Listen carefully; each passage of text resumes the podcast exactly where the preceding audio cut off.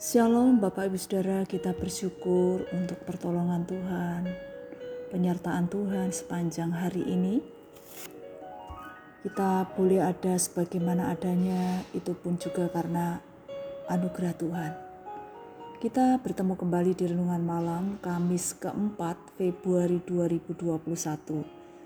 Sebelum beristirahat, marilah kita menyediakan waktu untuk merenungkan firman Tuhan agar makin mengenal Tuhan dan hidup dengan benar berdasarkan firman Tuhan.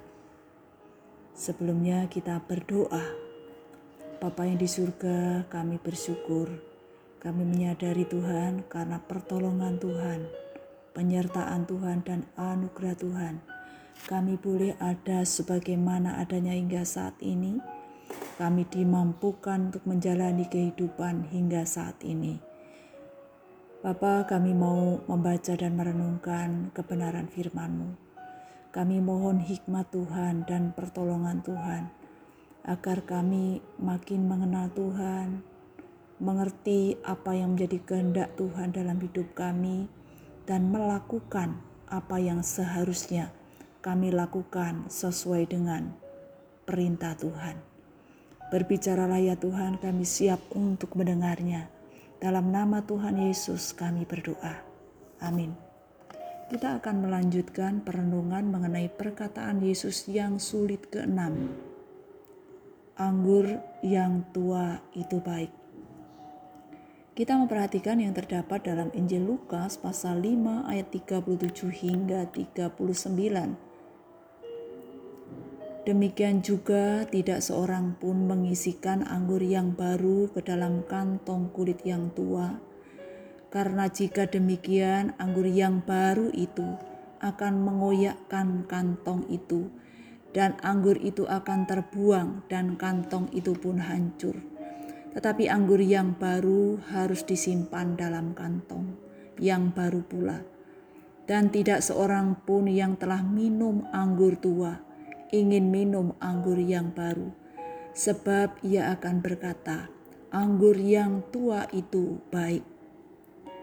Di Palestina selalu disediakan minuman anggur setiap ada pesta dan perjamuan.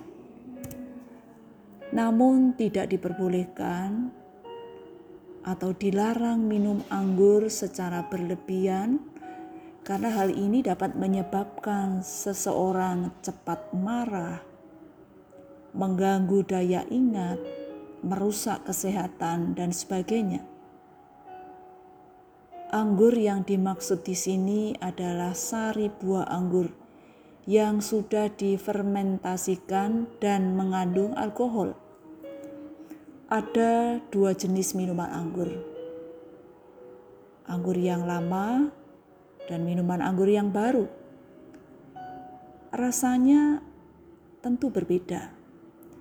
Jika seseorang pernah minum anggur yang tua atau sudah lama, tidak akan minum anggur yang baru. Anggur yang sudah lama rasanya lebih manis, lebih enak. Harganya lebih mahal dibandingkan dengan anggur yang baru. Walaupun dalam kenyataannya anggur yang lebih manis itu tidak selalu baik untuk kesehatan. Selain sebagai minuman ketika pesta, anggur juga digunakan dalam perjamuan kudus sebagai lambang darah Kristus yang menyucikan manusia dari dosa.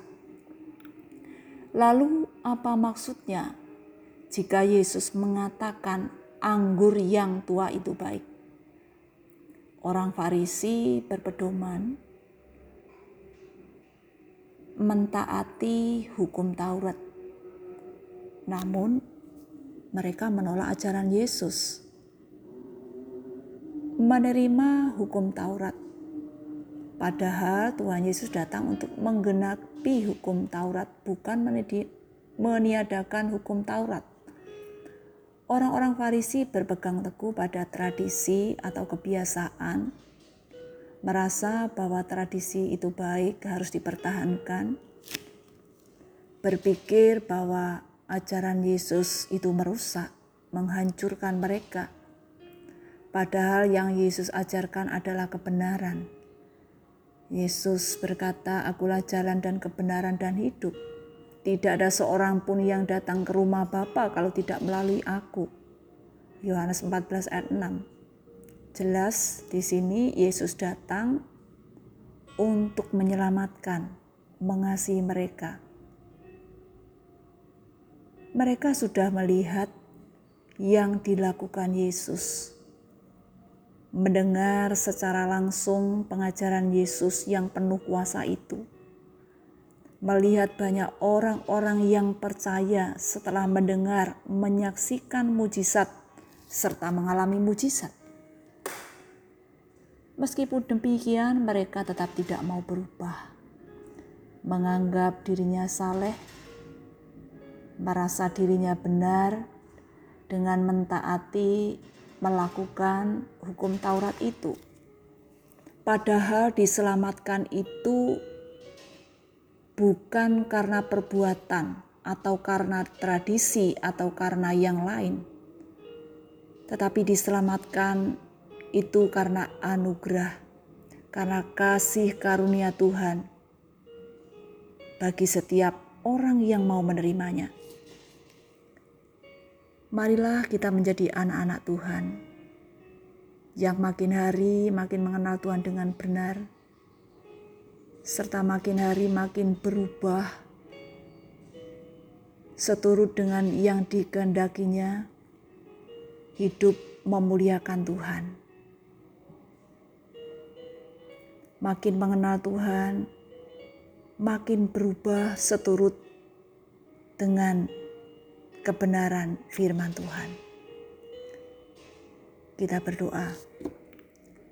Bapa yang di surga kami bersyukur untuk firman-Mu yang mengingatkan, memberitahukan agar hidup kami senantiasa mau diubahkan sesuai dengan firman Tuhan. Ampunilah kami Seringkali dalam keseharian kami hanya melakukan untuk menyenangkan diri kami sendiri, melakukan yang sia-sia di hadapan Tuhan. Tolonglah kami agar makin mengenal Tuhan dengan benar dan melakukan perintah Tuhan dengan benar dalam hidup kami. Bapa, kami juga menyerahkan istirahat malam ini pada Tuhan yang memiliki hidup kami sepenuhnya.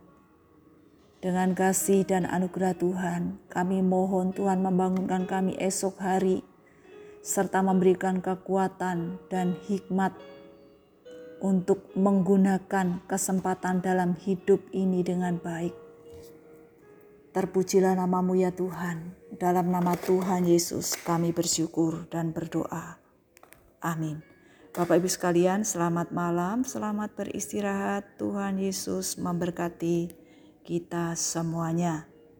Amin.